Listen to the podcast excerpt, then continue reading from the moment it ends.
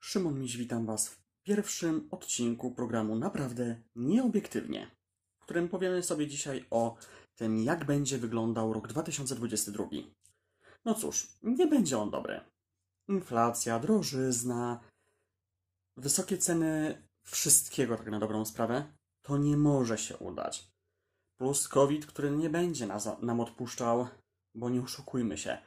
Tak marne wyszczepienie mamy, że po prostu to aż woła o pomstę do nieba. To jest tragedia, to co ten rząd zrobił z akcją szczepień. A raczej czego nie zrobił. Bo nie przekonał Polaków do tego, jak mają robić, co mają robić komu mają ufać. No nie oszukujmy się, no ogólnie rządowi polskiemu mało kto ufa, poza czołowymi jakimiś tam przybudówkami PiSu, no ale to jest nadal za mało. To jest nadal zdecydowanie za mało, żeby cokolwiek i jakkolwiek mówić o tym, jak ma wyglądać akcja szczepień. Bo wygląda fatalnie. Niektórzy już się szczepią trzecią dawką, a niektórzy nadal nie są po pierwszej dawce, a mogliby już dawno być. Przez co teraz mamy rekordy zakażeń wśród osób młodych, w moim wieku, trochę starszych, o te 10-15 lat, czyli osób, które mają dzieci, które mają dzieci, które już też mogłyby być szczepione. Ba, nawet mają dorosłe dzieci, prawie dorosłe, które same już chcą decydować się szczepić, bo są mądrzejsze od rodziców. No ale niestety. Nie oszukujmy się, no jeżeli mamy tak słabe zaufanie do rządu, to jak ci ludzie mają ufać też lekarzom, którzy są opłacani przez ten rząd? Tylko, że ci lekarze nie mają nic wspólnego z Morawieckim, z Kaczyńskim, z Niedzielskim, z Sasinem, z Ziobrą. Pomijam już fakt oczywiście tych wszystkich teorii spiskowych, że to Niedzielski wymyślił pandemię albo Szumowski do spółki z Niedzielskim, co jest po prostu totalnie absurdalne i to są po prostu już wymysły rodem z Kremla. To jest wręcz potwierdzone, że po prostu to Kreml wymyślił, że to Kreml wysyła do Polski i do innych krajów europejskich po prostu tę tanią propagandę, która po prostu aż żal jej słuchać.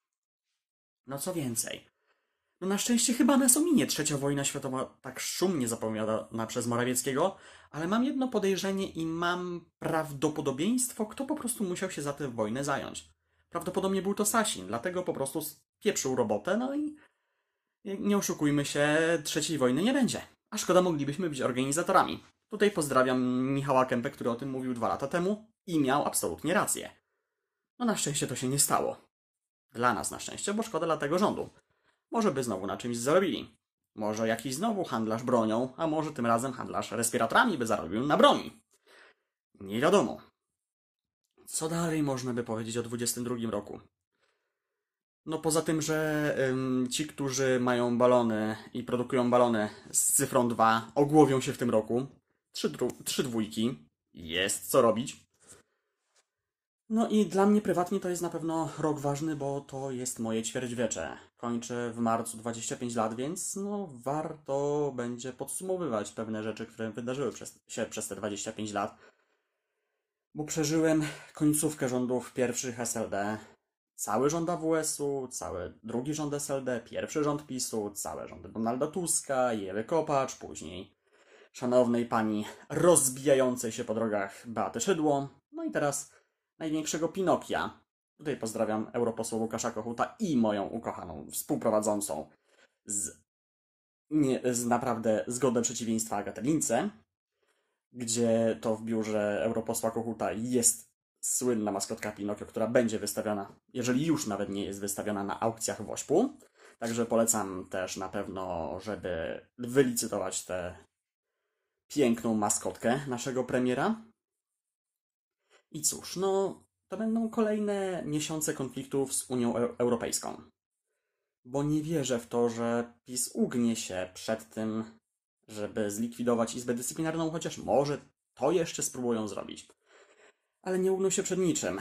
No na pewno wygraliśmy jako obywatele, jako też ludzie mediów. Wybrali, wygraliśmy bitwę o TVN, ale kto wie, czy nie będzie następnej bitwy o Onet, o, na, na temat na przykład, o Gazetę Wyborczą, chociaż tutaj będzie najtrudniej, bo to jest w pełni polski kapitał i Polacy są właścicielami, Polak jest prezesem, więc tutaj będzie najtrudniej chociaż. Może jakieś koncesje na gazety, czego oni to nie wymyślą. Nie chcę też podpowiadać oczywiście. Co jeszcze mógłbym powiedzieć? No. Co jeszcze mógłbym powiedzieć, to na pewno to, że będzie to ogólnie naprawdę ciężki rok dla nas, chociaż mam nadzieję, że prywatnie dla każdego z nas będzie trochę lepiej. Że jednak wyjdziemy z tego marazmu i powiemy sobie nie do trzech razy sztuka, a do trzeciego roku sztuka. Skoro rok 2020 był dla wielu, wielu zmarnowany, 2021 zresztą także, co chyba nas totalnie tym bardziej dobiło, bo jednak mieliśmy nadzieję, że ten 21 rok będzie końcem pandemii. Niestety tak się nie stało. Pogratulujmy i podziękujmy szczep nieszczepionym. Bo to nieszczepieni nam to zagwarantowali, no i przy okazji ten rząd, który nie radzi sobie z niezaszczepionymi i boi się ich wręcz, bo tak jak już prezes Kaczyński powiedział, że nie będzie żadnych tych więcej obostrzeń na razie, bo boją się antyszczepionkowców. Co to za rząd, który się boi? Tutaj zgadzam się z Donaldem Tuskiem i z wieloma innymi politykami opozycji, że co to za rząd, który się boi obywateli. Taki rząd nie powinien rządzić, bo po prostu nie ma jak rządzić, nie ma czym rządzić. Nie ma też zresztą jakiegokolwiek mandatu społecznego. A przypomnę, że w 2015 roku PiS zabraniał wręcz procedowania nowych ustaw przez rząd Ewy Kopacz po wygranej przez Dudę w wyborach prezydenckich, tylko dlatego, że wygrał Duda, więc oni nie mają już mandatu społecznego, bo w sondażach wszystko pokazuje, że wygrywa PiS. Teraz nadal wygrywa PiS, ale coraz mniejszą przewagą, a nie oszukujmy się, w żadnym w tym momencie jakimkolwiek układzie czy algorytmie nie ma, wsta- nie ma jak utworzyć nowego rządu. Przy tak niskim poparciu i przy raczej marnych szansach na współpracę z Konfederacją, jeżeli już, to to też nie wystarczy, bo jeżeli PSL i Lewica wejdą do Sejmu, to PiS razem z Konfederacją zdobędą maksymalnie 41-2% mandatów, co nie wystarczy do tego, żeby rządzić dalej to po prostu to się zwyczajnie w świecie nie uda. I wtedy opozycja będzie mogła albo grać na kolejne wybory, w których być może Platforma, cała koalicja obywatelska wygra, albo starać się u Dudy, żeby wzniósł się na wyżyny, w co też wątpię chociaż. Czasem mu się to zdarza, za co chwała mu, bo też jednak pisowcy boją się i strasznie nie lubią, jak się chwali ich ludzi. Patrzcie, wszystkie decyzje Lecha Kaczyńskiego, które były pozytywne dla tego kraju i trzeba to przyznać. PiS tego bardzo nie lubi, gdy opozycja to, to chwali, bo to są zupełnie sprzeczne decyzje z tym, co teraz mówi PiS. Ale jeżeli by się udało, że Duda jednak zaprzysiągłby prezy- premiera z opozycji, typu Tusk, Hołownia, czy ktokolwiek inny naznaczony przez tę dwójkę, czy trójkę, bo jeszcze Kosiniak-Kamysz przecież jest, to po prostu będziemy mieli lepsze rządy. Pytanie, czy to będzie w 2022, czy w 2023 roku. Sam stawiam, że to będzie rok raczej 2023, chociaż przez dłuższy czas, już od wyborów prezydenckich w 2020 roku, twierdziłem, że jednak wybory będą w 2021 lub 2022 roku, z nastawieniem na wiosnę 2022. Teraz nie mam takiej pewności, bo i PiS raczej nie powtórzy tego błędu, mając tak chwiejną większość, i póki co jeszcze dalej ziobrystów obok siebie.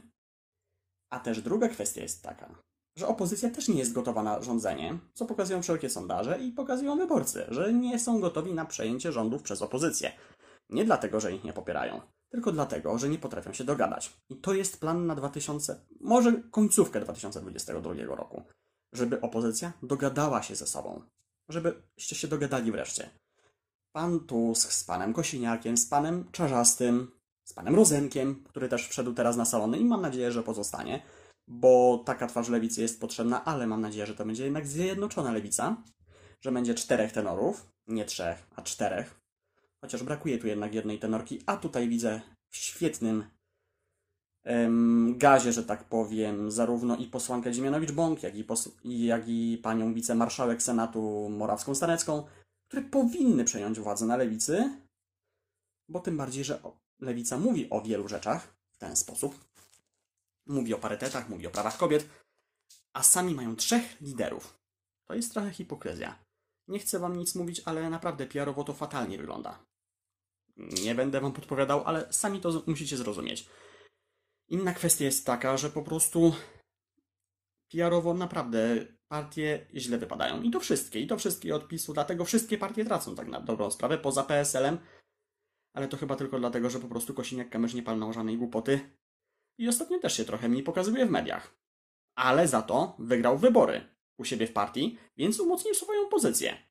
A i rolnicy trzeba przyznać, że chyba pomału zaczynają widzieć to, co się dzieje w Polsce. No ceny nawozów, które wzrastają, wzrastają coraz bardziej, są trzykrotnie wyższe niż jeszcze rok temu.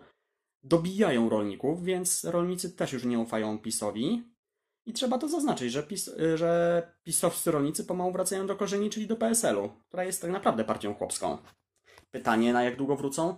I czy Agrolnie nie namiesza, chociaż tutaj też nie mam jakichś wielkich planów. Znaczy, myślę, że Agrolnie nie ma jakichś wielkich planów na przekroczenie progu wyborczego, byleby nie zdobyli wysokiego poparcia, bo to może trochę podwindować PiS.